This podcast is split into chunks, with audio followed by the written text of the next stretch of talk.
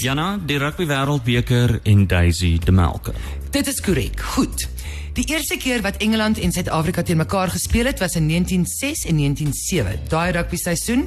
Hmm. Um, hulle het getoer Frankryk, Skotland, Wales en Engeland toe onder die leierskap van Paul Roos, soos in Paul Roos Gimnasium Stellenbosch. Mm, mm, mm, en dan die spelers het gekom van Victoria College wat vandag Stellenbosch Universiteit is. Sjoe.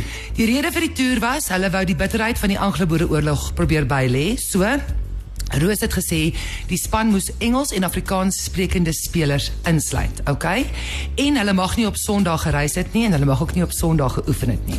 Hm? Goed, hy het nou 'n klomp van sy Weselike provinsies se spanmaats en so het hy nou gekies, maar hy het een speler van Griekwaland Wes, Sydney Clarence de Melker. Hmm. So hy het saam gaan speel op die 1906-1907 toer in 1932. Toe kyk hy hoe hang sy vrou Daisykie, want sy het mos hulle seun Rhodes vergiftig. Ja, my jene. Ja, so hy was Clarence, nee, Sydney Clarence de Melker en hy was saam op hierdie toer.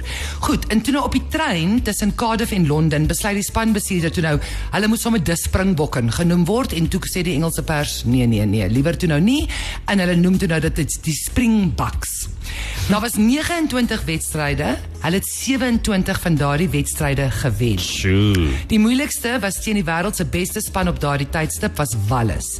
En daarna sou dit Engeland 68 jaar neem voordat hulle weer 'n Springbok span kon klop.